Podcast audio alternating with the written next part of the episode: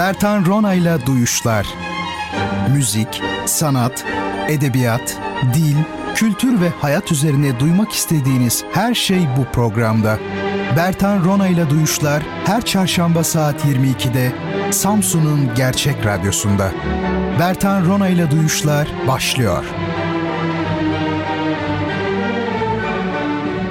Sevgili dinleyicilerim, hepinize iyi geceler. Ee, bu gece felsefe tarihi üzerine sohbetimize, geçen haftadan e, devam eden e, sohbetimize devam edeceğiz. Ama öncesinde e, şunu söyleyeyim, yine bir e, mütevazı kitap hediyemiz olacak bu gece. Bu kitabı e, kazanmak için ben sizlere bir soru soracağım kazanmanız için ve sizler doğru cevabı veren ilk kişi olduğunuzda her hafta olduğu gibi kitabınızı alacaksınız.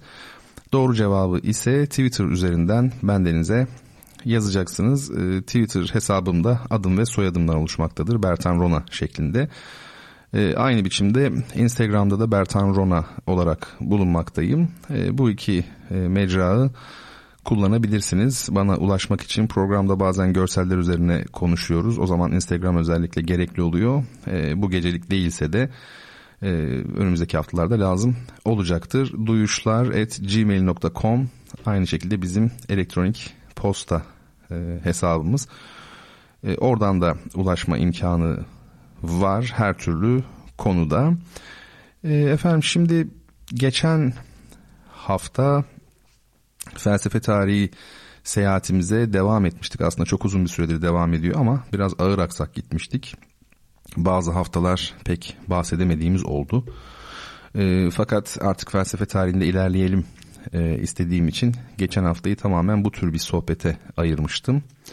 E, bu akşam da öyle düşündüm ve Roma felsefesi, Cicero, e, bu felsefenin dini dönemi, e, Filon mesela ve tabii bir de yeni Platonculuk üzerine konuşalım istiyorum. Bakalım neler söyleyeceğim. E, ben de şu an bilmiyorum. Bir e, hatırlamaya, toparlamaya çalışalım. E, şimdi şunu ifade etmiştik geçen haftaki sohbetimizi bitirirken. E, Roma felsefesi söz konusu olduğunda e, Yunanlı düşünürlerin e, artık sadece kendileri yani bağlı oldukları düşünce e, okullarını birbirlerine karşı savunmakla bir polemik yani felsefesiyle e, uğraşmamış ve öğretilerini e, Romalılara da öğretmeye e, başlamış olduklarını ifade etmiştim. Yani Yunan felsefesinde tabi e, polemik daha doğrusu apolojiya yani kendi ekolünü başka ekollere başka düşüncelere karşı savunma müdafaa etme geleneği çok güçlü. Ama Roma döneminde artık Yunanlı düşünürler e, bu işin yanı sıra felsefelerini Romalılara da e, aktarmaya e, başlamışlardı. E, Romalılar tabi Yunanlılara hayran olmuş insanlar. E, kendileri mitolojilerini de antik Yunan'dan devşirmişler. E, biliyoruz hepimiz işte ne olmuş? Hermes Merkür olmuş. Efendime söyleyeyim Afrodit Venüs olmuş. Zeus Jüpiter olmuş vesaire vesaire. E, pek çok alanda olduğu gibi yani felsefe alanında da bir özgün yapı ortaya koyduklarını söylemek güç Romalıların.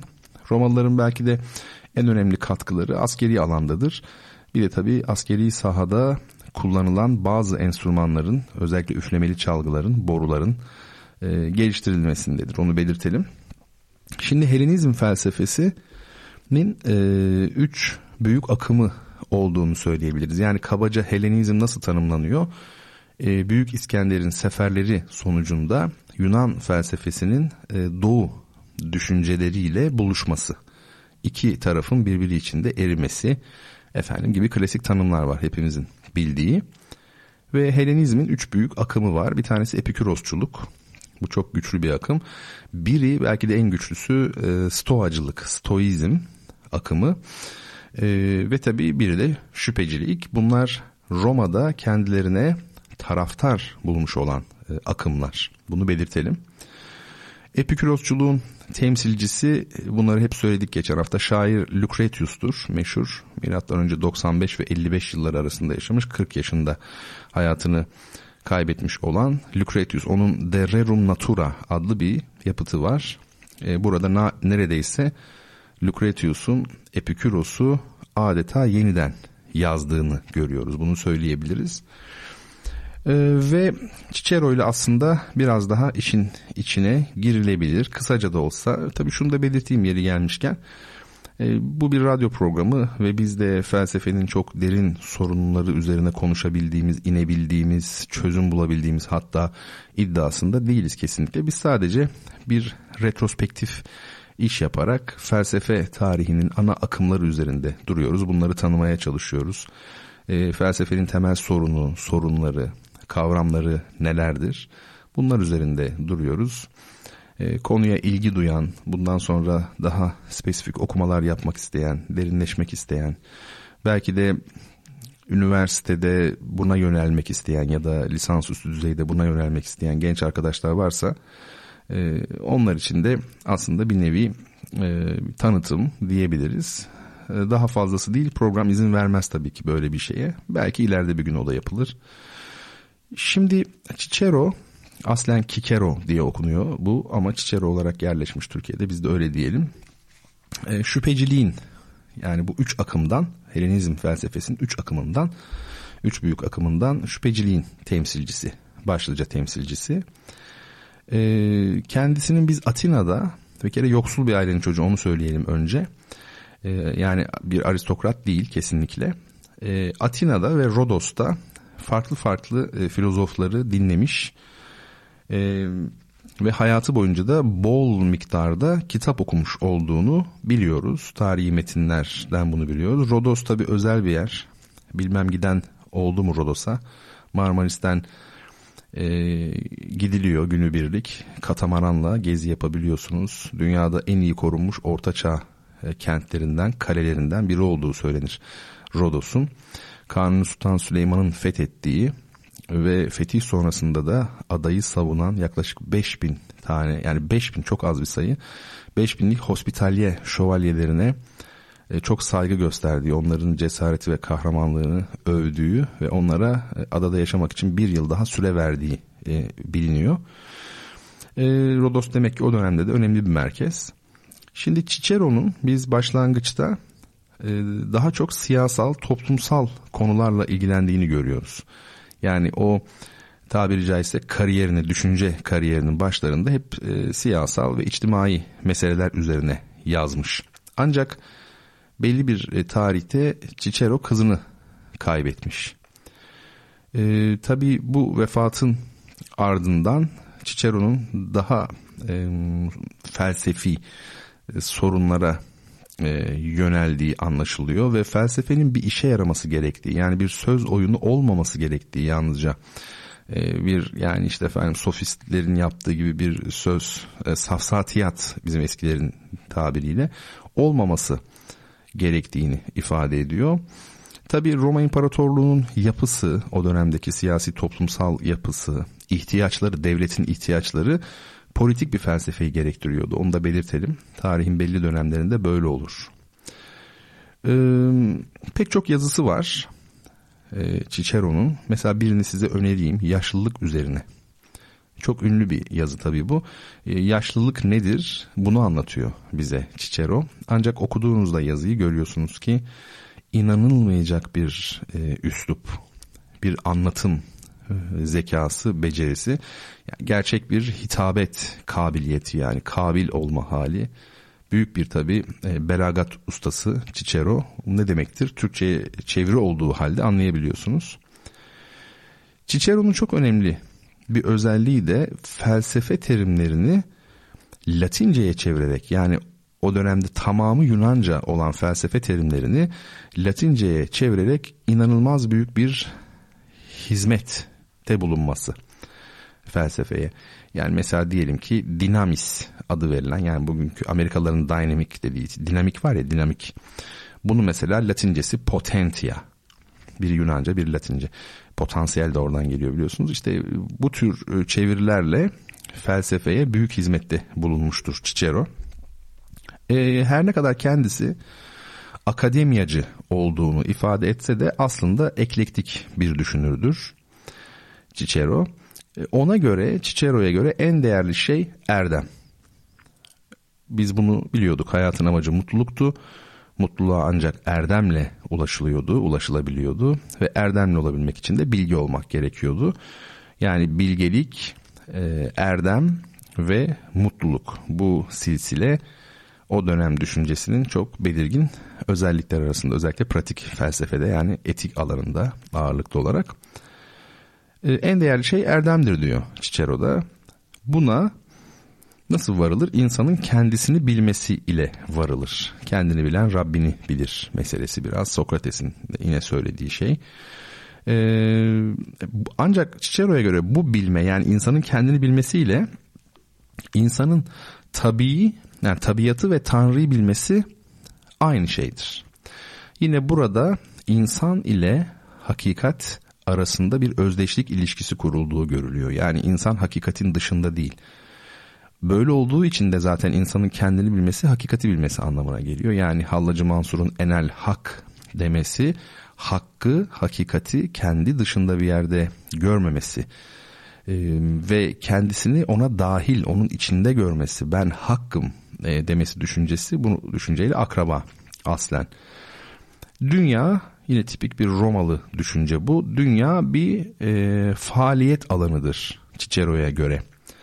Ve felsefe de temelde bir eğitim aracıdır. İşte burada yine Roma İmparatorluğu'nun ihtiyaçları çok önemli. Aksiyon üzerine kurulu bir devlet, e, fütuhat peşinde yani fatih bir devlet ve e, pek çok çocuğu, pek çok genci e, kendi ideolojisi doğrultusunda yetiştirmek durumunda olan bir devlet. Bu Cicero'nun felsefesindeki bu iki ana yönelimden yansımış oluyor. Yani diyor ki dünya bir e, faaliyet alanıdır, eylem yeridir ve o nedenle de felsefe temelde bir eğitim aracıdır. E, insan diyor Cicero çok bilindik bir şey belki ama ruhtan ve bedenden oluşur. E, ruh diyor tanrısal olduğu için daha üstündür bedene. Ruhun yetkinliği insanı adalete götürür. Cicero bu düşünceye çok önem vermiştir. Yani ruhsal olgunluk ve yetkinlik insanı adil davranmaya, adil Arapça kökü ortadan bölmek demektir. İnsaf da öyledir. Nısf ortadan, ortası demektir. Ee, İslam vasat ümmetidir. Yani değil mi? İslam ümmeti vasat ümmetidir. Bu da bir hadis. Yani vasat, orta olan, ortalama olan. Bu çok önemli bir şey. Ortada bulunmak. E tabi Cicero bu düşüncesiyle e, Stoacıların bireyselciliğini, o individualizmini e, aşıp tabii Platoncu sosyal düşünceye yönelmiş oluyor. E, Stoistlerin felsefesi çok tutarlı ve bütünlüklü bir sistemdi ama o felsefede toplumsal göndermeler biraz eksik kalmıştı. Yani terazinin o kefesi biraz e, hafifti açıkçası. Daha ziyade bireyci bir öğretiydi. Oysa Cicero e, bunu dengelemiş oluyor düşüncesiyle. Tabi anlamak zor olmasa gerek Cicero her zaman devletle ilgilenmiş olan bir düşünürdür. Devlet için çalışmıştır. Devlet üzerine yazmıştır ve aslında o e, devlet içinde ölmüştür. Biliyorsunuz işte Sezar, e, Jules Caesar aynı zamanda işte Marcus Antonius ve Octavianus arasındaki o müthiş iktidar mücadelesi sırasında taraf tutuyor ve tuttuğu taraf kaybettiği için e, kaçmak zorunda kalıyor ve daha sonra da yakalanarak öldürülüyor. E, sağ eli kesiliyor ve bu el teşhir ediliyor günlerce. E, böyle de bir acı ölüm var. Yani Cumhuriyet'ten imparatorluğa geçiş dönemi söz konusu. Yani bu yıllar o yıllar. Aslında burada bence görülmesi gereken şey halktan bir ailenin aslında temelde yoksul bir ailenin çocuğu olan Cicero'nun e, Roma oligarşisinin hizmetinde yıllarca çalışmış olması da hakikaten enteresandır. E, efendim şimdi bu felsefenin Roma felsefesinin dini bir dönemi de var. Şöyle söyleyelim daha doğrusu Roma felsefesini demeyelim bu felsefenin dini dönemi diyelim genel konuşalım. Çünkü biliyoruz ki Aristoteles'ten sonraki felsefe akımları e, aydınlar için dinin yerini almıştı.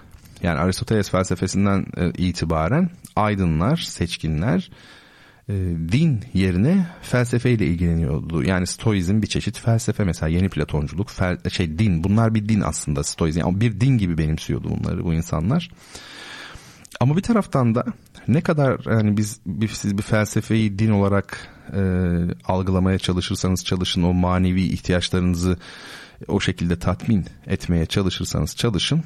E, bir taraftan da gerçek metafizik bağlantısı olan bir din e, gereksinmesi var. E, ve tabii bir Helenizm adı verilen düşünceyle birlikte dedik ya Yunan felsefesinin doğuyla kontaktı söz konusu. Burada İran'dan olsun yani benzeri coğrafyadan olsun kadim doğu dinleri aslında felsefenin içine sızarak adeta e, düşünceye, insan düşüncesine renk katmışlardı. Peki bu dönemin metafizik e, anlayışında hangi özellikler söz konusu? E, şöyle diyelim, eski monizme karşı ona kontrast olarak tanrı ile madde arasında bir dualizm tanımlanıyor o dönemin metafiziğinde. Yani çok tanrı, te, özür dilerim tek tanrıcılıkta böyle bir şey yoktur. Öyle değil mi? Yani Tanrı ile madde arasında bir dualizm söz konusu değildir ama burada ilk özellik olarak biz Tanrı ile maddenin birbirine çok karşı biçimde konumlandırıldığını görüyoruz. İkincisi e, bu dönemin metafiziğindeki özelliklerden ikincisi daimonoloji diyebileceğimiz bir şey. E, Tabi burada ruhbanlık ile şirk arasındaki zorunlu bağ.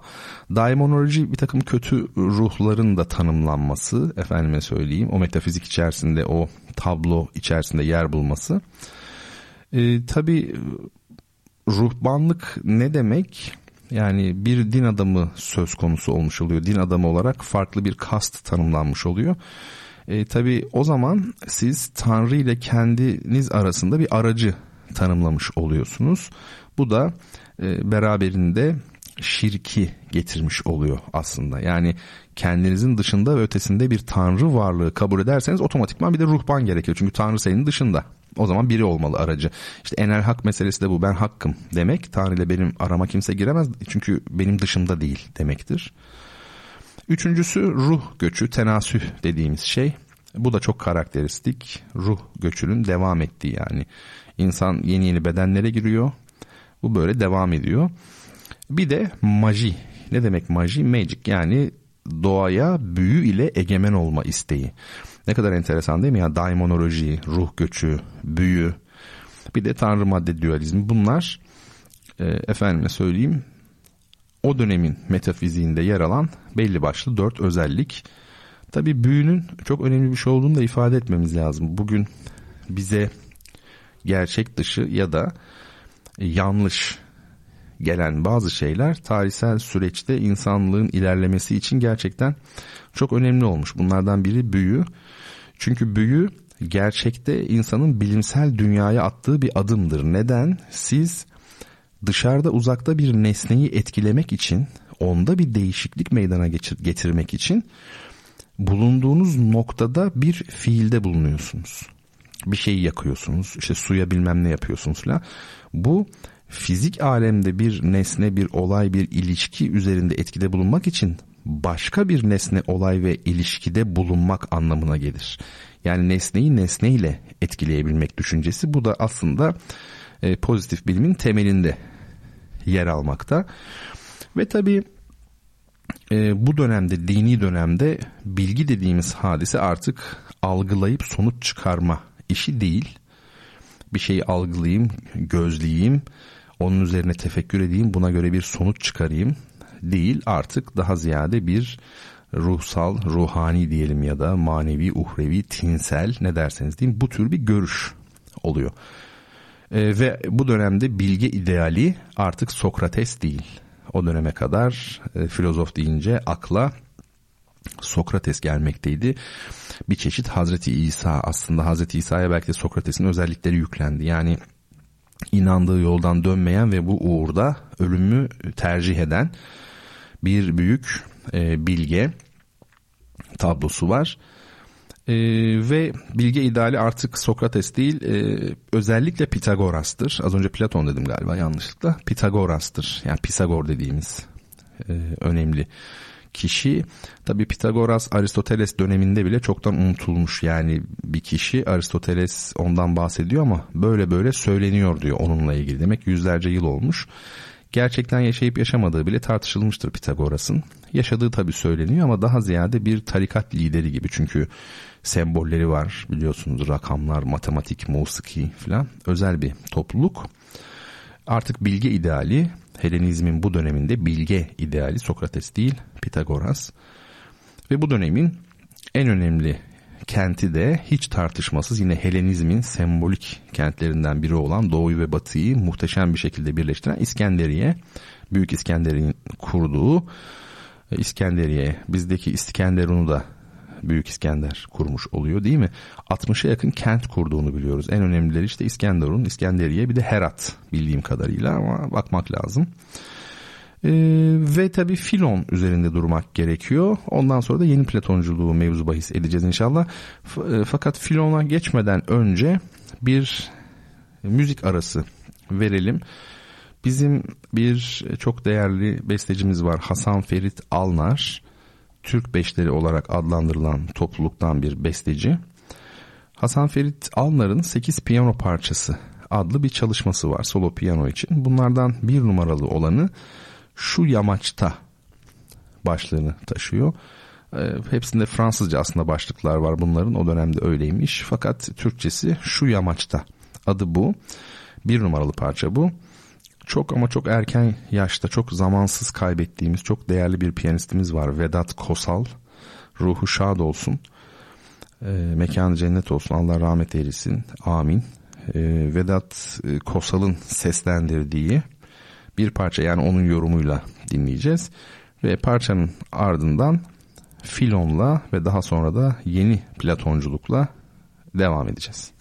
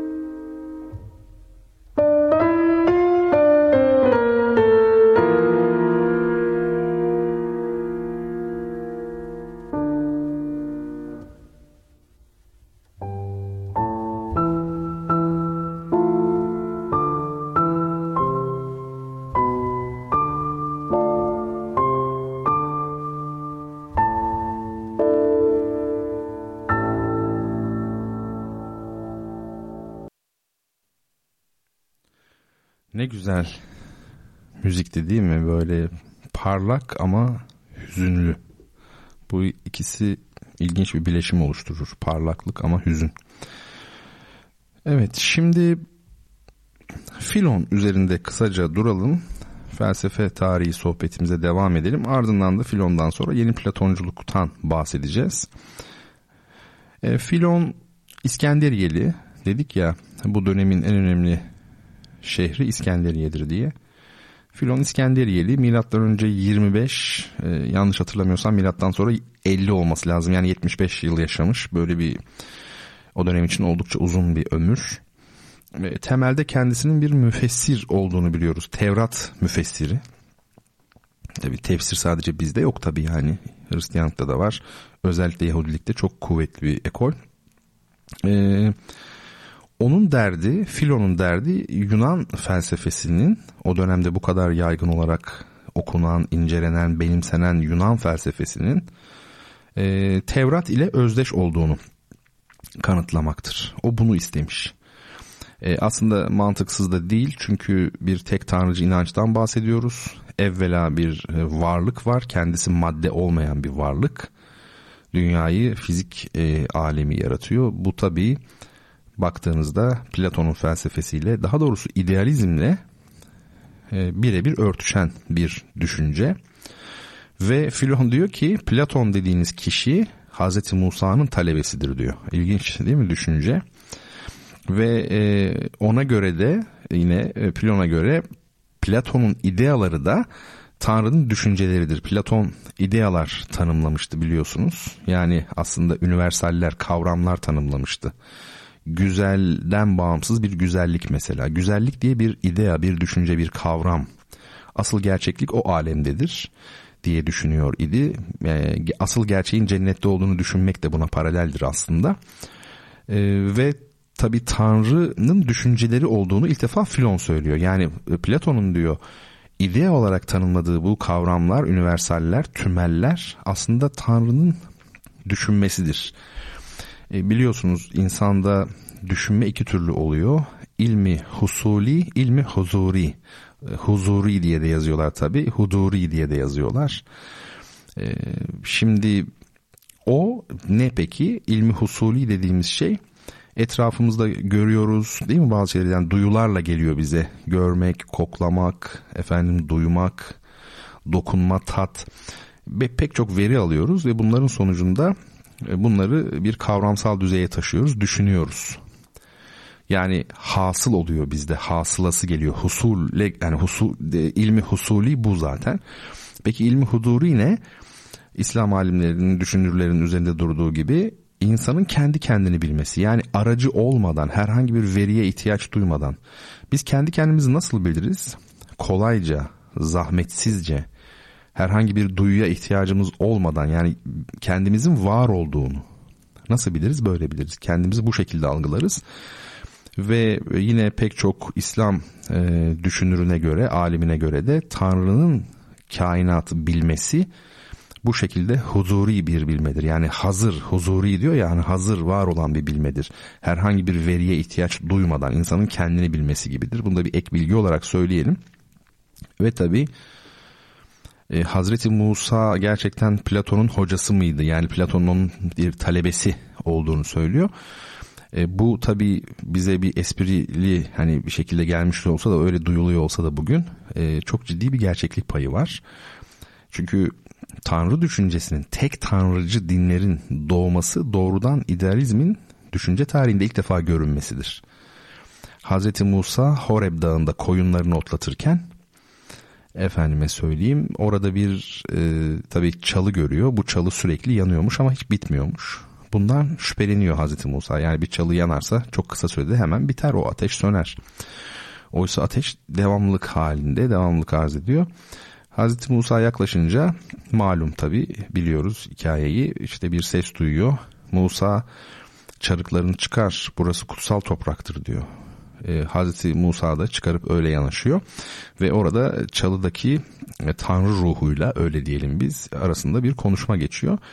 Ve orada peygamberlik görevini aldıktan sonra diyor ki ben halkıma senin adını söyleyeceğim ne diyeyim diyor senin adın ne? Tanrı da diyor ki bu Tevrat'taki anlatımdan bahsediyorum. Tabii Tanrı da diyor ki benim e, adım yoktur diyor. Telaffuz edilmez. Bir daha soruyor ama bir şey soracaklar bana diyor. Yani bir şey söylemem lazım. Ne diyeyim? O da diyor ki odur dersin. Yani odur de geç. Odur. Odur dediğimiz şeyin İbranicesi e, dört tane sessiz harften oluşuyor. Y, H, V, H. Yani bunun iki okunuşu var. Onlar seslileri okumadığı için tam bilemiyoruz nasıl okuduklarını. İki türlü okuyorlar o yüzden. Ya Yehova ya da Yahve deniyor.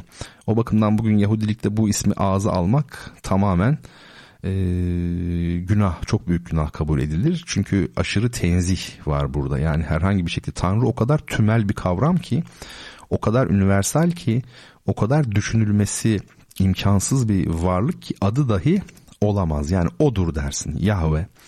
O yüzden gündelik hayatta ve dini çalışmalarında da bu ismi kullanmazlar. Onun yerine Aşem derler. Aşem bizdeki isim kelimesidir. Onlarda S, Ş olduğu için Arapçaya göre yani malum isim anlamında. Yani bilinen isim yani the name yani biz biliyoruz ama söylemeyelim gibi Aşem. Şimdi bunu niye söylüyorum? Odur dersin. Bu odurun sonundaki dır çok önemli bir ek fiil biliyorsunuz. Yunus durur benim adım mesela. Oradaki de o. Yunus durur. Yunus dur. Biz bugün Ahmet'tir, Mehmet'tir diyoruz ama Oya'dır, Ayşe'dir diyoruz. Fakat oradaki durur aslında. İngilizce'deki is. Şimdi tabi duran bir şeyi kaldırdığınız zaman altında bir ne çıkar? İz çıkar. Türkçedeki iz. Hadi bakalım İngilizce'deki izle bir ilgisi var mı? Var tabi olmaz mı? düşünmek lazım. Yani bilimsel veriler bunu pek onay şey doğrulamasa da şimdilik e, tabii düşünmek gerekir. Ve felsefe tarihinde odur. Yani şöyle diyelim bir kalem düşünelim. Bu kalem acaba kendisini oluşturan özellikler dışında nedir? Kırmızıdır, mavidir, yeşildir. Yani mavi ama kırmızı da olabilirdi. Ya da 20 santim ama 5 santim de olabilirdi. İşte 10 gram ama 20 gram da olabilirdi. Demek ki bu özellikler kalemin varlığıyla ilgili değil temelde. Peki bütün özelliklerinden sıyırdığımız zaman bir nesneyi, kalemi mesela ne kalır geride? İdealistlere göre bir e, efendime söyleyeyim onun kendi özü aslı esası kalır. Materyalistlere göre bir hiç kalır. Çünkü materyalizme göre bir varlık sadece kendisini oluşturan özelliklerden, sıfatlardan ibarettir. Onları soyduğunuzda geriye hiçbir şey kalmaz. İdealistler de der ki hayır işte bir dır var. Yani mavi geç mavidir, kırmızıdır, uzunluk şu kadar. Hepsi o dırları at sadece bir dır kalıyor. Odur. Yani Yehova Arabi olarak Yahüve yani ey o olan yani zatı üzerine düşünemiyoruz ya Allah'ın İslam düşüncesinde işte bu meseleyle ilgili kavram dediğimiz şey çünkü insan ancak parçalayarak anlayabilir. Bütünü görme imkanı yok. Hep sınırlandırarak düşünebilir insan. E, kavram da bir sınırlandırmadır, bir kısaltımdır yani bir rakursidir. O bakımdan e, Tanrı düşüncesi Parmenides'te mesela bir olan diye bir kavram var. E, o mesela bir olan efendime söyleyeyim e, aslında şey deniyor hani bölünemez, parçalanamaz, sınırlandırılamaz. Yani anlaşılamaz. Hiçbir şekilde anlaşılamaz. E, bu Parmenides'teki düşüncenin de aslı esası e, bunun üzerine kurulu. Aslında Tanrı'nın zatı üzerine tefekkür etmeyince onu ihata edemezsiniz, çeviremezsiniz meselesi de bununla ilgili. Neyse e, tabi Tevrat'ı Filon e, oldukça e, alegorik olarak yorumluyor. Yani bizdeki işari tefsirler gibi. E, antik çağ sonunda bu yorumlayıcı yöntem çok klasik. Yani alegori, semboller, işarilik bu e, çok çok e, tipiktir o dönemde. Mesela biz de bugün diyoruz ki mesela işte şöyle diyenler var ya işte aslında Hazreti Adem'in yaratılması hep temsildir e, Kur'an'da anlatılan. O bakımdan hani evrim teorisi de doğru olabilir. Bunda bir sorun yok. Çünkü yani birdenbire gerçekten orada anlatıldığı gibi çamurdan bir insan böyle birdenbire ortaya çıkmış değildir. Bu bir işte atıyorum e, sembolik anlatımdır ki Kur'an'da zaten biz sizi misallerle anlatıyoruz biz bunları size e, diye geçer sık sık.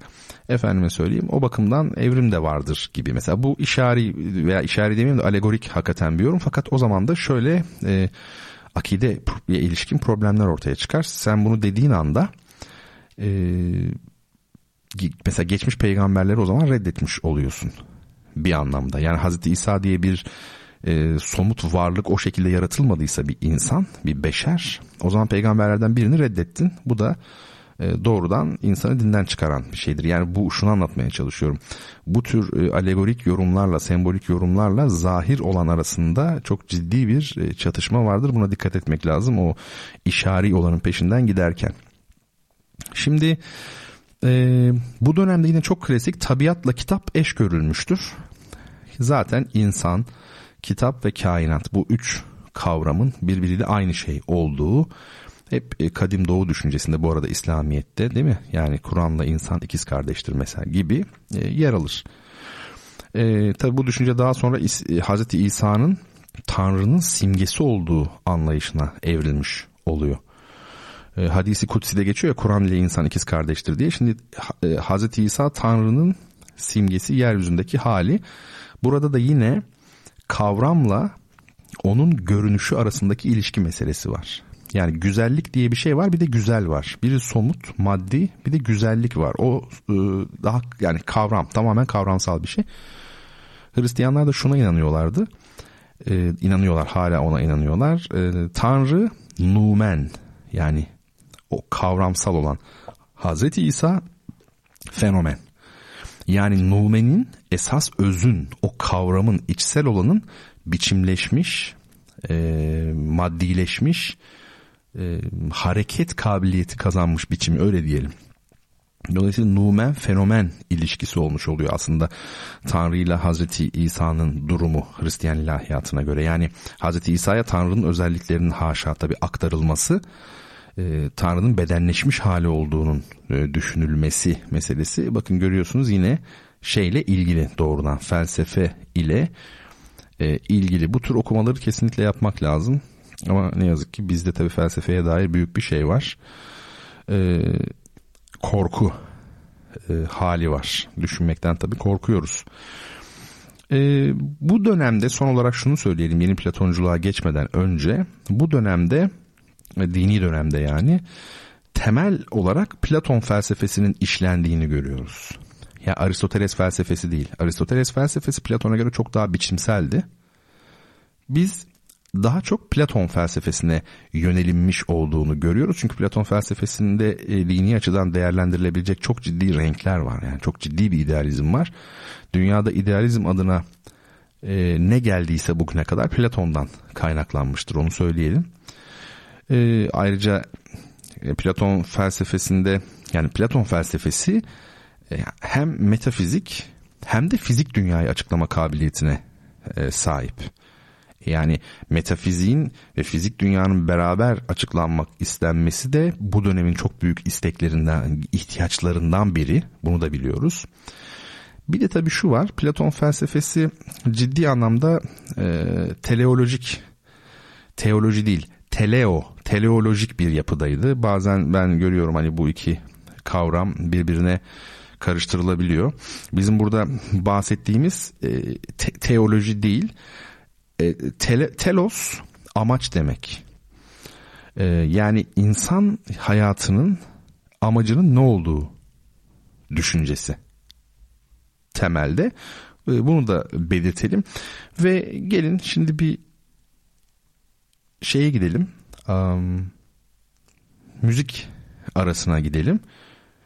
Bu müzik arasında sizler için seçtiğim parça Ciudad öyle mi okunuyor? Ciudad diye mi okunuyor? De las Ideas. Bu Vicente Amigo'nun bir e, kompozisyonu ve kendisini icra ettiği. Şimdi onu dinleyelim ardından devam edelim kaldığımız yerde.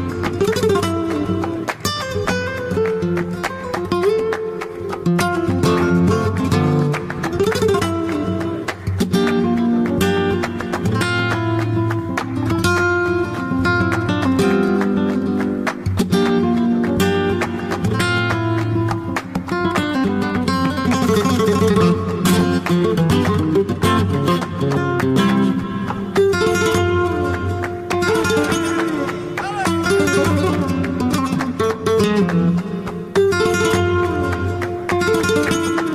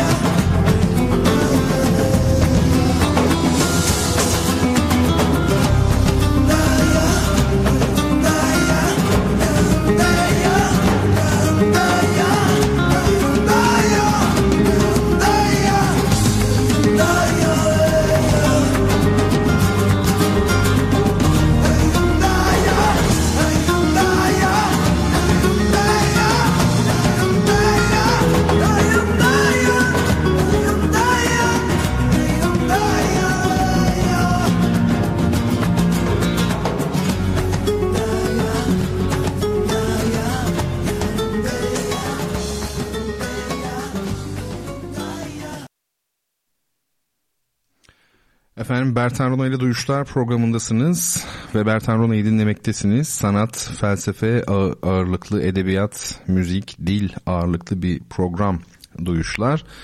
Her hafta çarşamba geceleri saat 22'de Radyo Gerçek canlı yayınında sizlerle buluşuyor. Bu gece de öyle oldu ve biz programımızın ilk yarısını tamamlamış olduk. Şimdi kaldığımız yerden devam ediyoruz. Şu ana kadar e, Helenizmin e, felsefi anlamda tipik görünümleri nelerdir? Roma felsefesi, Cicero, efendim e, dini dönem adlandır olarak adlandırılan dönem ve e, Filon üzerinde kısaca durduk.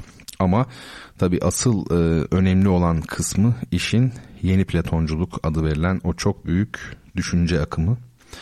Şimdi biraz ondan bahsedelim. Yeni Platonculuk çok büyük bir ekoldür. Doğu ve Batı mistisizmlerini yani gizemciliklerini çok derinden etkilemiş bir ekoldür. Ee, Rönesans'ın sonuna kadar düşünebiliyor musunuz? Yani bin yıl sonrasına kadar belki 1500 yıl sonrasına kadar e, Platonculuk her zaman e, yeni Platonculuk biçimiyle karşımıza çıkacaktır. Yani bugün bizim bildiğimiz e, Platonculuk olarak adlandırdığımız o orijinal Platon'un düşünceleri yaklaşık bin yıl boyunca doğrudan o haliyle ele alınmamış ve hep yeni Platonculuk olarak değerlendirilmiştir. Onun içerisinde değerlendirilmiştir.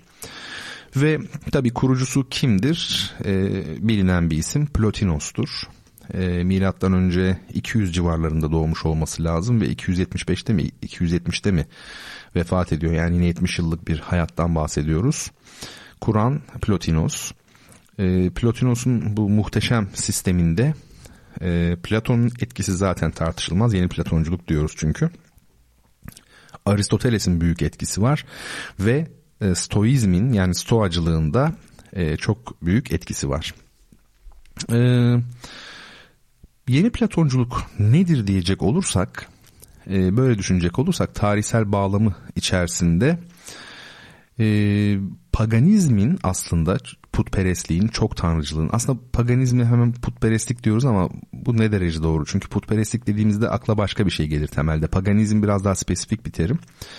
Paganizmin Hristiyanlığa karşı e, savaş aparatıdır aslında yeni Platonculuk. Yani paganizmin felsefi bir açılım bularak kendine kazandığı bir biçimdir ve yaklaşık 300 yıl boyunca Hristiyanlıkla çok ciddi bir mücadele içerisinde bulunmuştur ve kıl payı kaybetmiştir. Yani eğer kaybetmemiş olsaydı bugün dünyada işte kaç milyar Hristiyan var bilmiyorum insan olarak işte 3 milyar 4 milyar kişi e, yeni Platoncu olacaktı. E, şaka gibi ama gerçek. E, Platonos ne yapmış? Önce pek çok düşünürün yaptığını yapmış. Doğru bir iş yapmış. E, farklı farklı filozofları, büyük filozofları dinlemiş. Bakalım e, bunlar ne diyor bu adamlar diye. Ve aradığı hocayı kimde bulmuş? Ammonios Sakkas'ta bulmuş. Ammonios Sakkas'ın biz bir hamal olduğundan şüphe ediyoruz yani ismi dolayısıyla. E, ya da bir mecaz var orada düşüncenin hamalı mesela gibi bilmiyoruz ama çok mütevazı bir isim Ammonios Sakkas e, hani böyle uzak doğu filmlerinde işte öğrenci hocasını arar filan da ta böyle dağın tepesinde her şeyden elini ayağını çekmiş şekilde bulur ya yani o şekil öyle biri. E, gösterişli biri değil yani. Ammonios Sakkas bu isme dikkat edin. Ve Plotinos aradığı hocayı üstadı onda bulmuş ve 11 yıl onun yanında kaldığını biliyoruz. Şimdi biliyor musunuz Plotinos bir beden içinde olduğu için utanıyormuş. Bakın bu cümle bile doğrudan bir dualizmi gösteriyor. Yani nasıl bir dualizm? Efendime söyleyeyim işte hani ruh beden ikiliği kendini ruh kabul ediyor ve bedeninden utanç duyuyor. E, o nedenle de ilginçtir resmini ve heykelini asla yaptırmazmış Plotinos. E, Tabi resim, suret, heykel ve put yasağı Kızılderililerin kendi resimlerinin yapılmasını istememesi çünkü resmi yapılan fotoğrafı çekilen bir insanın ruhunun çalındığına inanmaları ve Fatih Sultan Mehmet'in Bellini'yi getirterek ona resmini yaptırtması gibi hadiseler hep bu şey cümledendir. Yani de geniş zaman olsa yap konuşuruz ama konuşmak gerekir. E, bir gün konuşuruz yani. Ölümünden sonra Plotinos'un ölümünden sonra onun e, öğrencileri Plotinos'un eserlerini 9'ar bölümden oluşan 6 kitap olarak hazırlamışlar. E, tasnif etmişler. 9'ar bölümden oluşan 6 kitap. Her birinde 9 bölüm var. O nedenle de eneatlar yani dokuzluklar deniyor bu e, külliyata. Plotinos'a göre asıl gerçek salt tinsel gerçektir. Bunu tahmin etmek zor değil. E, ama Plotinos'un bir özelliği var. Estetik alanında da çok özgün bir düşünür. Diyor ki bir cisim ruh ile yakınlık taşıyorsa güzeldir. Yani güzellik nedir? Onun verdiği cevap o cisim kendi ruhuyla ruh ile yakınlık taşıyorsa güzeldir. Bu tabi Alman idealistlerinde de var. Einfühlung kavramı buna yakın değerlendirilmesi gereken kavram ama dediğim gibi zamanımız az olduğu için ben bunları açamıyorum şu an. Ama siz şunu yapabilirsiniz. Mesela Einfühlung, Nikolai Hartmann mesela isim veriyorum ya bu konu şununla ilgili filan. En azından bir kelimeyle bile olsa not alıp ondan sonra biraz belki bakmakta fayda var. Ruhun güzelliği diyor Plotinos maddeden arınmaktır. E, ruhun çirkinliği ise tam tersidir. Maddeyle kuşanmaktır. Bakın dikkat edin. Nefs, tabiat yani beden, işte günah işlemek vesaire gibi e, kavramlar hep e, bununla ilgili. Yani bütün dinlerde böyledir. İslam'da daha farklı yönler var. Yalnız onu belirtelim. Ruh Plotinos'a göre bedeni bir araç olarak kullanır. Ruh bölünemez bir birliktir.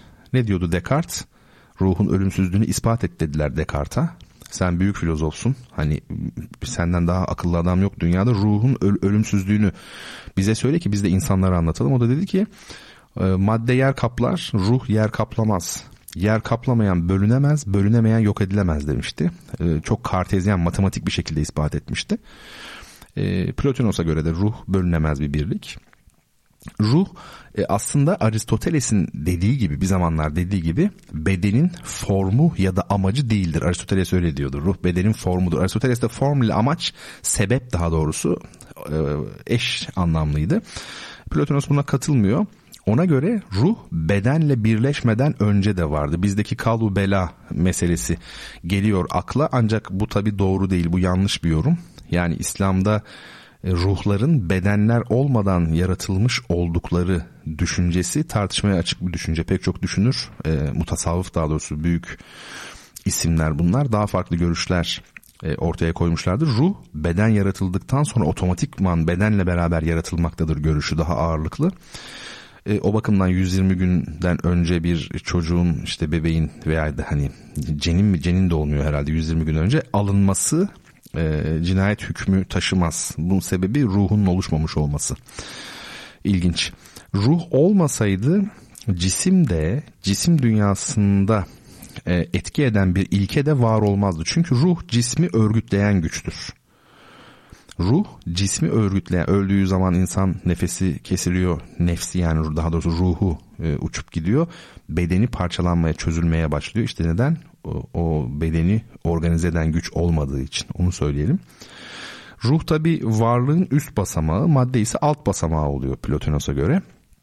Ama bireysel ruhların üzerinde evren ruhu denilen bir şey var. Her tekil ruh Plotinos'a göre evren ruhundan çıkmış oluyor. Yoksa aralarında anlaşma ile sevgi olmazdı. Bakın bunlar yine tasavvufa yakın düşünceler. Yani e, insan Tanrı'yı seviyorsa aralarında anlaşma, sevgi, acıma duygusu varsa, acıma belki tek taraflı ama öyle bir duygu varsa e, demek ki e, neden bu? Tekil ruhlar e, evren ruhundan çıktığı için. Ama evrensel ruhun üzerinde bir de ne var? Nous var. Yani ruh yansımaları görür. Oysa nous ideaları da görür. Bunlar önemli konular. E, Platonos'a göre tabi nous dediğimiz e, varlık içinde özne nesne ikiliği var. Bunun da üstünde ne bulunuyor? Yani Nous'ta, Nous'un da üstünde bakın şöyle bir şey var. Biz az önce evrensel ruha tanrı dedik ama evrensel ruhun üstünde Nous var. Nous'un üstünde de ikilik taşımayan en ilk veya bir denilen şey bulunuyor. Onun hakkında hiçbir şey bilemeyiz diyor Plotinos. İşte bakın bu da e, tenzih yaklaşım demeyelim ama işte ehadiyet yani Tanrı'nın zatı katı oluyor yani. Hani işte şehadet alemi, melekut alemi, ceberut alemi, lahut alemi yani öyle bir yer ki orayla ilgili hiçbir şey bilemeyiz düşüncesi var. Yani Burada da yine böyle bir katmanlı yapı var. Tasavvufla çok uygun. Zaten tasavvufun yeni Platonculuktan da çok etkilendiği söylenir. Tanrı iyinin kendisidir. Plotinos'a göre. Tanrı iyidir. İyilik dediğimiz şey Tanrı'dır. Zaten en üstün idea Platon'a göre iyilik ideasıydı. Burada mesela Besmele Bismillahirrahmanirrahim denildiği zaman e, bağışlayan yani Rahman ve Rahim olan Allah'ın ilah Bismillahirrahmanirrahim onun adıyla. Şimdi ilah çok ürkütücü bir kelime aslında. Yoktan var eden. Şimdi böyle bir varlığın yoktan sizi var eden bir varlığın size neler yapabileceğini bir düşünün. Gücünün nelere kadir olduğunu. Ama neymiş o? Rahman ve Rahim'miş. Burada bir dengeleme var. Yani tamam böyle ezici kahredici bir güç var ama bu e, çok şanslısın kardeşim. Hem Rahman hem Rahim. Bakın burada yine Tanrı iyi midir değil midir? Yarattığı dünya iyi midir? Leibniz, Schopenhauer ayrılığı e, gündeme geliyor. Cisimler tabi hareket etmek, ruhlar örgütlemek, nous düşünmek, Tanrı ise yaratmak eğiliminde. Tanrı'nın yaratmak zorunda olup olmadığı da tartışılmıştır. Küntü Kenz hadisini hatırlayın. Ben e, gizli bir hazineydim, bilinmeyi murad ettim. Düşünün ya Tanrı yaratmak zorunda mıydı değil miydi mesela? Bunlar çok ilginç konular. Hep tartışılmış bu konular. Ve Tanrı'da bilinç ve istem yok. Plotinos'a göre. İlim nous'ta başlıyor. İrade ise ruhta başlıyor. Ruhta ortaya çıkıyor. Bizim yine ilim irfan geleneğimizde eski medrese metinlerinde bir şeyi var edebilmek için üç şey gerekir. İlim, irade ve kudret. Yani hem bileceksin bilimin olacak. Mesela bir lamba yapmak istiyorsun. Bilmeden yapamazsın değil mi? Yani hem isteğin olacak. Yani biliyorsun ama istemiyorsun. Bu da olmaz. Hem de gücün olacak. Yani biliyorsun, istiyorsun ama kuvvetin yok. Yine olmaz. O bakımdan ilim, irade, kudret üçlüsü önemli e, Tanrı'nın yaratımı şeye göre Plotinos'a göre yine bunlar çok çok aşırı klasik yeni Platoncu e, efendim Hristiyan skolastiği e, kapsamında çok e, geçen e, kavramlar bunlar. Emanatio yani türeme, sudur etme yani Tanrı'nın yaratması bir tür ışımadır yani içeriden dışarıya bir yayılmadır. Güneş sembolü, Ra, Apollon, Hazreti İsa e, bunlar hep bir şey benzer birbiriyle bu anlamda. Plotinos bir de kendi e, içlerinde bağımsız ama birbirini etkileyen dört varlık aşaması kuruyor. Birbirleriyle etkileşim halindeler ama kendi içlerinde bağımsızlar. Tanrı, nous, ruh ve madde yani yukarıdan aşağı göre anlatmış oldum. E, Tanrı gerçek varlıktır Plotinos'a göre. Madde ise gerçek yokluktur. Yine efendime söyleyeyim adcılar yani nominalistler ile realistlerin kavramcıların e, skolastikte tartıştıkları konu ya da idealizmle materyalizm arasındaki temel ayrılık yani varlık mı gerçektir, varoluş mu gerçektir? Varlık ne? Güzel. Varoluş, e, varoluş ne? Güzel. Varlık ne? Güzellik. O varlık. Onun varoluşu yok. Bu dünyada yok ama asıl olan o. Bakın diyor ki Tanrı gerçek varlıktır diyor Plotinos. Madde ise gerçek yokluktur. Tanrı'nın ışığı maddeye hiç düşmez diyor Plotinos. Madde tam bir karanlık halidir diyor. Ne kadar idealist düşünceler. E, Hristiyanlık ve Orta Çağ maddeyi zaten çok karanlık görmüştür. İnsan bedenini çok karanlık görmüştür. Katedralleri de karanlıktır. Bir anlamda düşmanlarına benzemişler onlar da. İslam'da böyle bir şey yok. İnsan bedeniyle çok barışık, çok aydınlık bir din hakikaten bu yönüyle baktığınızda. Bu Plotinos'un tabi bu dörtlü aşaması var ya Tanrı, Nous, Ruh, Madde.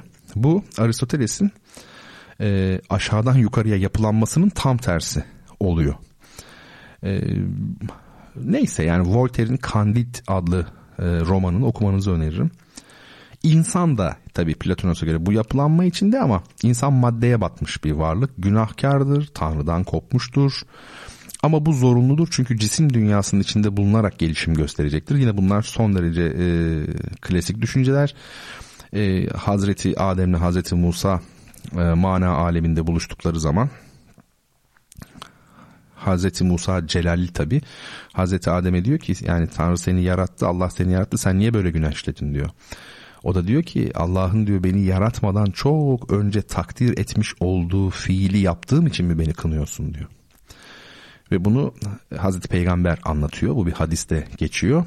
Ve diyor ki bunu anlattıktan sonra Adem Musa'ya delil ile galip geldi diyor. Kaderle ilgili olarak geçiyor tabii bu bahis ama e, ben tabii burada işte insanın maddi olarak yaratılmak zorunda bulunulması yönündeki neoplatoncu düşünce dolayısıyla mevzu bahis ettim. E, bu tabii duyular kötüdür. Madde kötü olursa duyular da kötü olur. Bu duyular dünyasını ideaların örneğine bakarak ruh düzenlediği için bu dünya güzeldir. Yani bu dünya idealar alemine bakılarak düzenlenmiştir. O bakımdan ruh güzel. O özür dilerim o bakımdan dünya güzel. İdealar alemine bakılarak düzenlendiği için. Onu da söyleyelim. Hristiyanlığın karamsarlığına biraz karşıt bir düşünce bu. E, ruh her yeni bedene girişinde alçalabilir veya yükselebilir eğer e, tinsel olandan uzak yaşarsa bir dahaki sefere bir hayvan bedenine girer. Mesela hep anlatılır işte bu Pitagoras bir gün öğrencileriyle yürürken bir adam bir köpeği dövüyormuş galiba ona vuruyormuş falan. Dur yapma demiş. Onun içinde benim bir arkadaşım var demiş. Sesinden tanıdım demiş. Düşünebiliyor musunuz? İşte bu da tenasüh dediğimiz hadise ruh göçü. Ee, en yüksek nokta nedir? Ekstazis yani ekstaz vecd anında bir sekerat halinde Tanrı ile mistik bir kaynaşmadır. Plotinos ne diyor biliyor musunuz? Ben dört defa hayatımda bunu yaşadım diyor. Bütün hayatım boyunca dört defa bir kendimden geçmeyle Tanrı ile bütünleştim diyor. Ee, çok konu var bu, bu kapsamda konuşulacak ama zaman az. Ee, Julianus Apostata diye bir imparator var. Julianus tam anladık da apostata ne demek biliyor musunuz? Mürtet, dinden dönmüş demek. O Hristiyanlığı tekrar yasaklayıp e, yeni Platonculuğu bütün pagan dinlerini toparlayan bir sistem olarak Hristiyanlığa karşı yerleştirmeye çalışıyor ama muvaffak olamıyor. Yani 325 yılında galiba Hristiyanlık Roma İmparatorluğu'nun resmi dini oluyor. Fakat Julianus geri dönüyor işte bir süre sonra apostata mürtet dönek yani dönek Julianus ama başarılı olamıyor. Bir de 530'da mı 500 hatırlamıyorum 531'de olabilir bu Justinianus Atina'daki akademiyi de kapatıyor. Ee, neden? Dine aykırı olduğu için Yunan felsefesinin okutulmasını toptan e, yasaklıyor. Herhalde bizdeki ilahiyat felsefenin, ilahiyat fakültelerinde felsefenin kaldırılması gibi. Bakıyorsunuz insanoğlunun yani gök kubbe altında söylenmedik şey yani hep aynı yani konular falan aynı. Tabi toparlayayım son birkaç cümle. Yunan felsefesi böylelikle Rönesans'a kadar yaklaşık bin yıllık bir uyku dönemine girmiş oluyor. Ancak e, Yunan felsefesi Rönesans'ta uyanacak tekrar. Bir, bir an şu şer düşelim Aristoteles etkisi devam edecektir. Nerede devam edecek o çünkü Hristiyanlıkta tamamen Aristoteles etkisi var. Bir de tabii böylelikle e, filozofya dediğimiz şey, felsefe dediğimiz şey yerine artık teozofiye yani filozofi yerini teozofi e, dini renklerin hakim olduğu bir düşünceye bırakıyor. Sevgili dostlar şimdi gelin bir e, müzik arası daha verelim. Olağanüstü güzel bir müzik dinleyelim. Inti Illimani'den bir güzel müzik. Arkasından da son bölümde sizlerle birlikte olalım.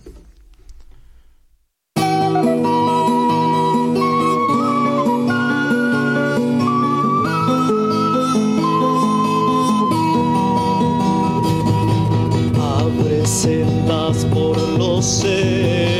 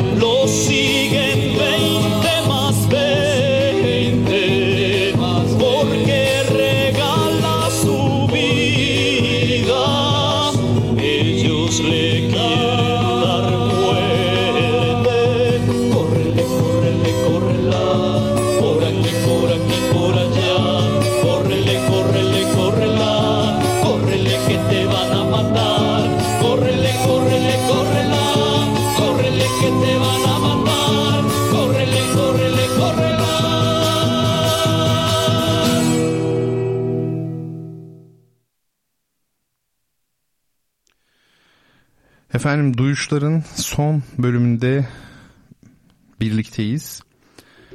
Ee, bu gece felsefe tarihi üzerinde durduk. Roma felsefesiyle ilgili sadece birkaç söz söyledik. Ardından e, dini dönemden bahsettik. Cicero dini dönem, Filon ve en son yeni Platoncu felsefe üzerinde çok çok tabii yüzeysel de olsa durduk ama çok önemli konu başlıklarıydı bunlar. O bakımdan da aslında herkes için benim için de tabii istifadeye şayan diye düşünüyorum. E, tekrarda gerçekten hayır var. Ne kadar çok tekrar ederseniz o kadar çok yerine oturmuş oluyor. Şimdi bu programımızın bu son bölümünde kitap hediyeli sorumu sorayım e, sizlere. Bu soru e, ilk cevaplayan kişiye Milan Kundera'nın Var Olmanın Dayanılmaz Hafifliği adlı ünlü romanını getirecek. Hemen sorayım çok çok kolay bir soru. Hemen e, Google'a danışabilirsiniz yani. Soru şöyle.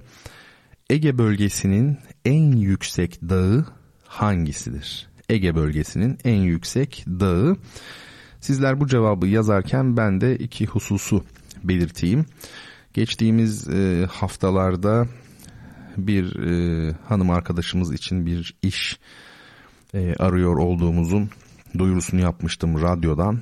E, galiba aradan geçen çok uzun bir buçuk aylık bir e, zaman so- sonunda e, böyle bir işin bulunabileceği imkanı ortaya çıktı. Tabi burs bulmak ya da maddi yardım bunlar biraz daha kolay olabiliyor ama iş gerçekten çok zor. Çünkü ekonomik sıkıntıyı tabi ağırlıklı olarak vatandaşlar çekse de e, işveren de çekiyor. Yani 100 işçi çalıştıracağı yerde mesela normalde 100 işçi çalıştırıyorsa e, 50'ye düşürmek durumunda kalıyor. Ödemelerini yapamıyor vesaire vesaire. O bakımdan iş bulmak e, hiç kolay değil. Ama arkadaşımıza galiba iş bulacağız. O da e, herhalde unutmuştur bu süreci. Sürpriz yapacağım kendisine. Benim programda çok kuvvetli muhtemel dinlemediği için sürpriz olacak yani. Ne güzel az dinlenen program olduğunuz zaman böyle dedikodu yapabiliyorsunuz. Kimse anlamıyor. Hiç güleceğim yok aslında ama. Ee, şimdi bir başka küçük duyuru.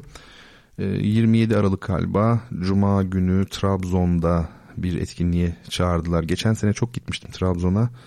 E, TODA'nın yani Trabzon Ortahisar Düşünce Akademisi'nin sohbetlerine yani beni çağırdılar konuşmacı olarak en az 4 defa 5 defa gittim. Çok da değerli insanlarla tanıştım. Bu defa daha farklı bir kapsamda TODA etkinliği değil ama daha başka bir etkinlik. E, Trabzon'dan beni takip eden dinleyicilerim var. Çok iyi biliyorum.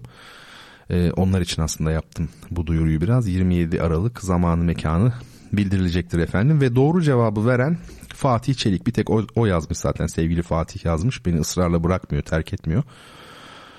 Honaz Dağı. Doğru cevap Honaz Dağı. Gördünüz mü Honaz Dağı'nı bilmiyorum ama görkemli bir dağdır. Gerçekten Ege bölgesinin en yüksek dağı. 2571 metrelik zirvesi var.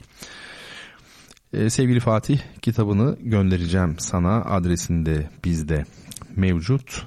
Ben size bu gece bir şiirle e, veda etmek istiyorum.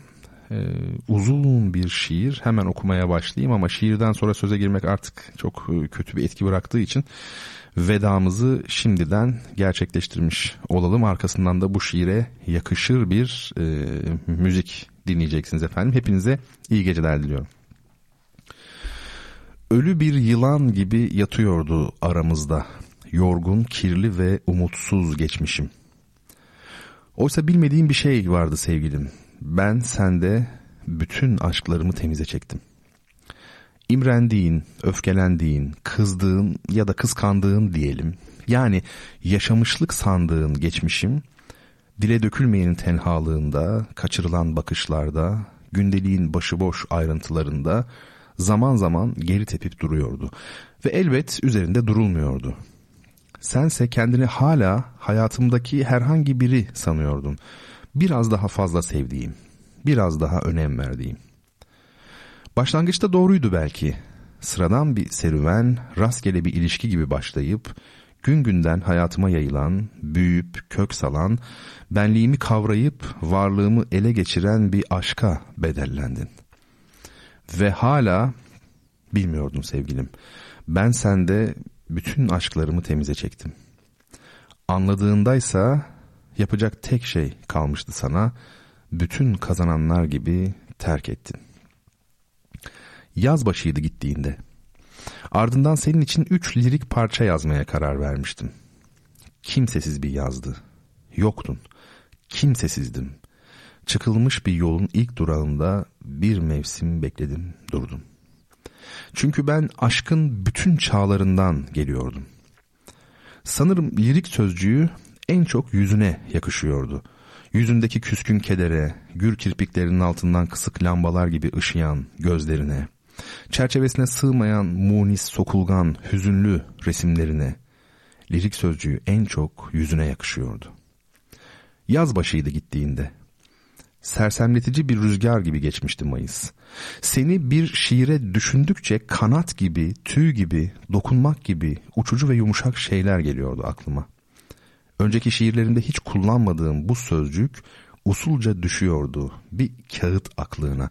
Belki de ilk kez giriyordu yazdıklarıma, hayatıma.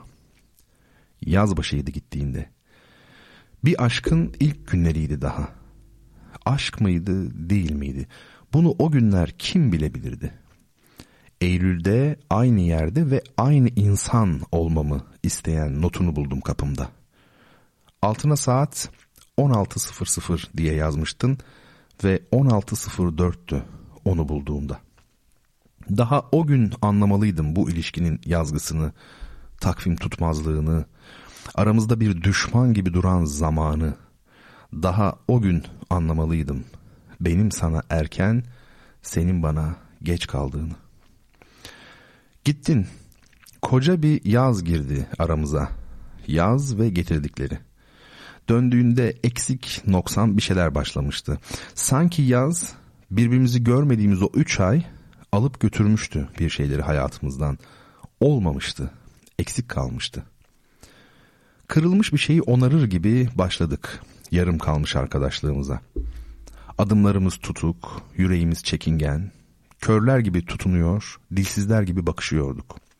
Sanki ufacık bir şey olsa birbirimizden kaçacaktık.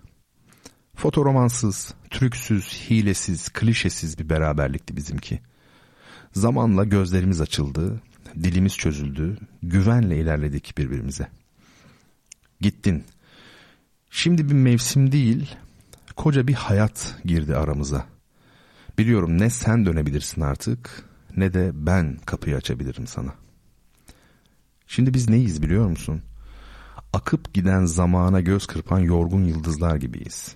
Birbirine uzanamayan, boşlukta iki yalnız yıldız gibi acı çekiyor ve kendimize gömülüyoruz. Bir zaman sonra batık bir aşktan geriye kalan iki enkaz olacağız yalnızca. Kendi denizlerimizde sessiz sedasız boğulacağız.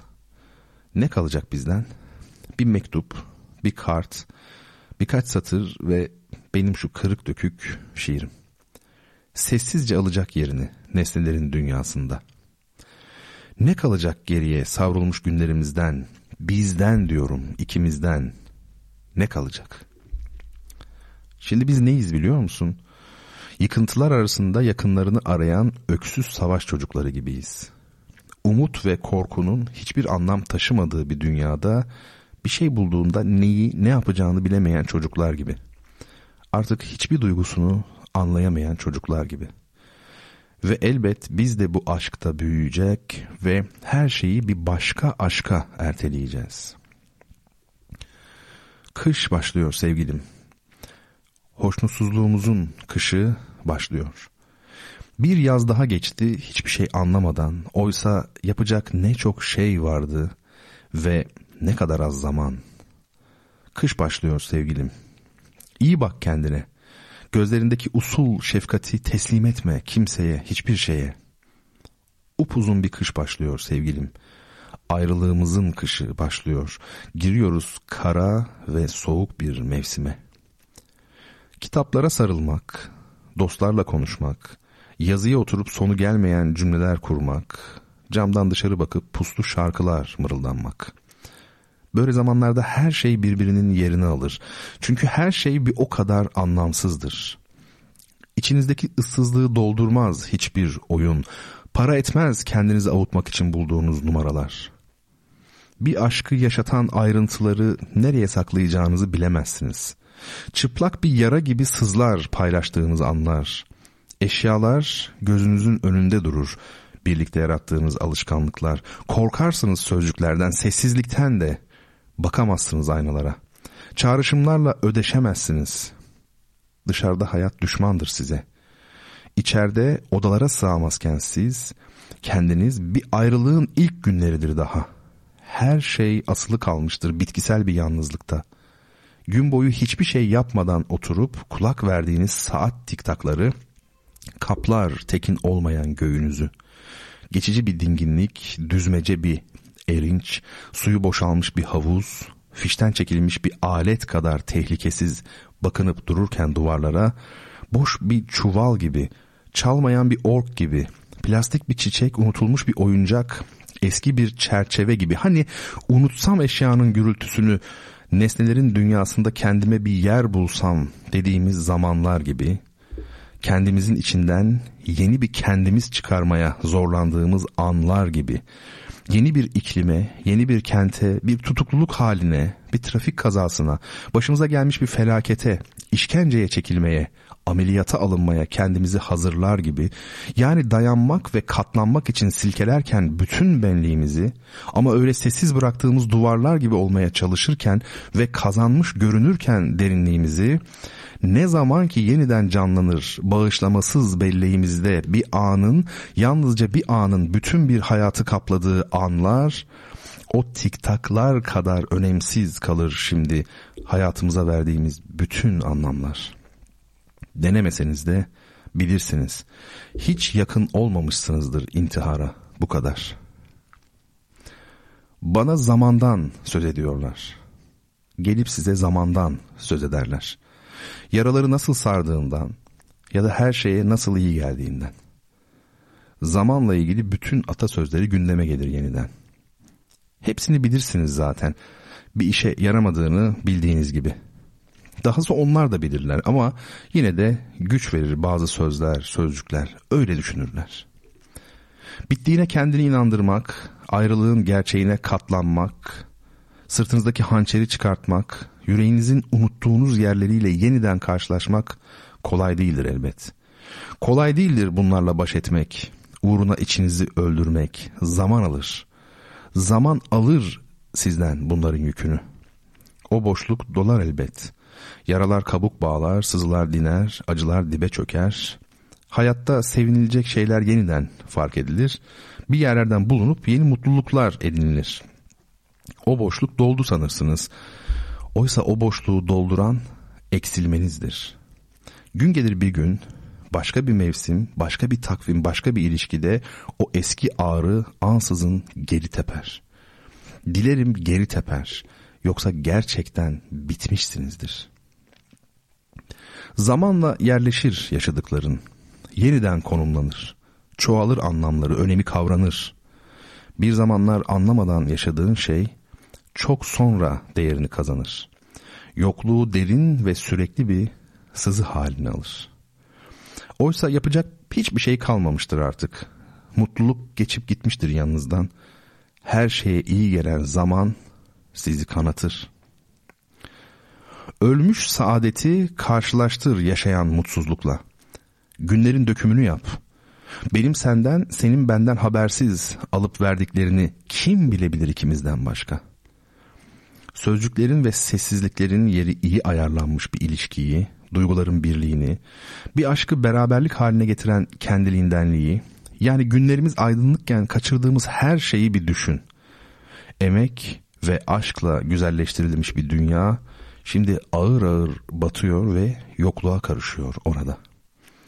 Ölmüş saadeti karşılaştır yaşayan mutsuzlukla. Bunlar da bir işe yaramadıysa demek yangında kurtarılacak hiçbir şey kalmamış aramızda. Bu şiire başladığımda nerede, şimdi neredeyim? Solgun yollardan geçtim. Bakışımlı mevsimlerden, ikindi yağmurlarını bekleyen yaz sonu hüzünlerinden, günden gün puslu pencerelere benzeyen gözlerim geçti her çağın bitki örtüsünden. Oysa şimdi içimin yıkanmış taşlığından bakarken dünyaya, yangınlarla bayındır kentler gibiyim. Çiçek adlarını ezberlemekten geldim.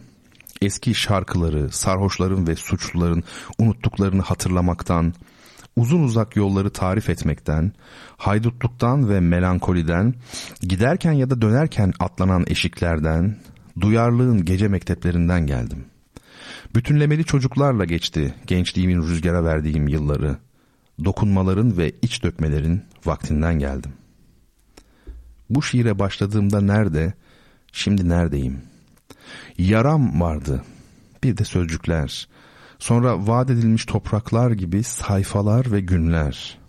Işık istiyordu yalnızlığım. Kötülükler imparatorluğunda bir tek şiir yazmayı biliyordum.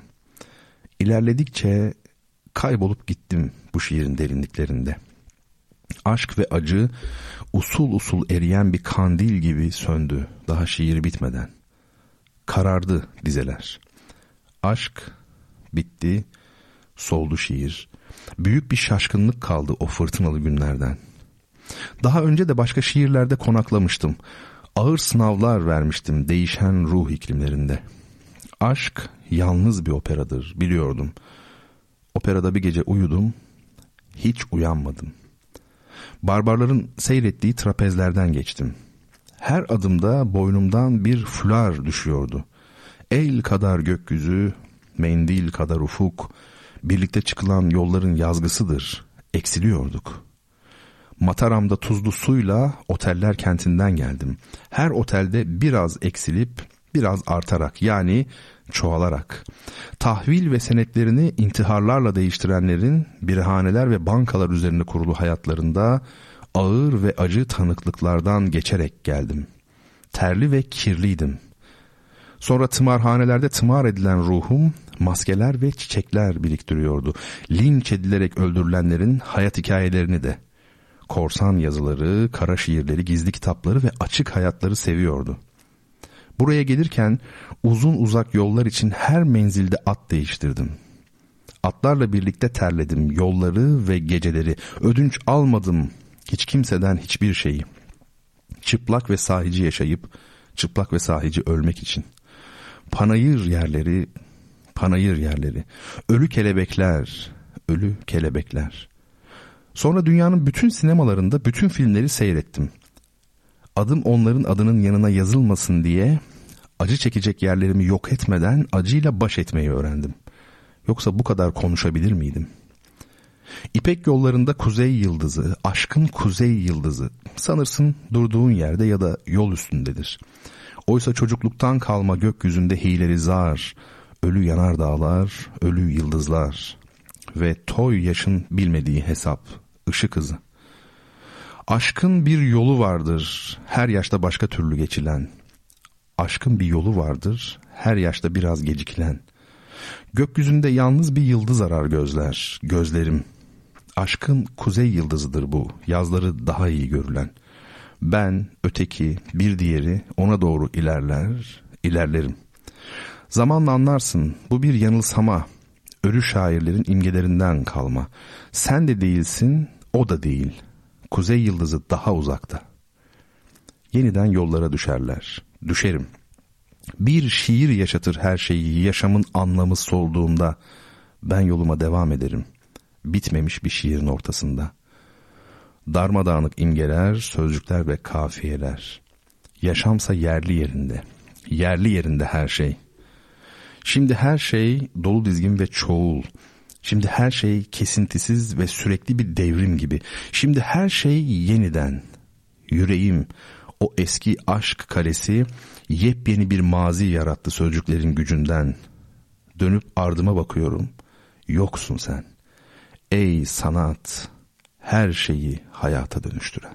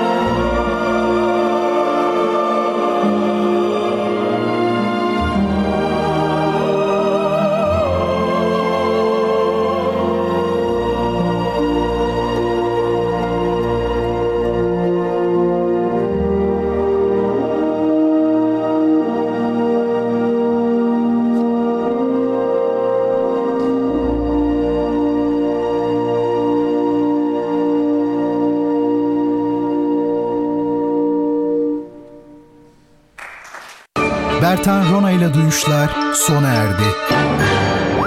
Bu program hakkındaki düşüncelerinizi dinleyen et radyogercek.com adresine mail atarak bize ulaştırabilirsiniz. Dinlemiş olduğunuz programda ürün yerleştirme yapılmıştır.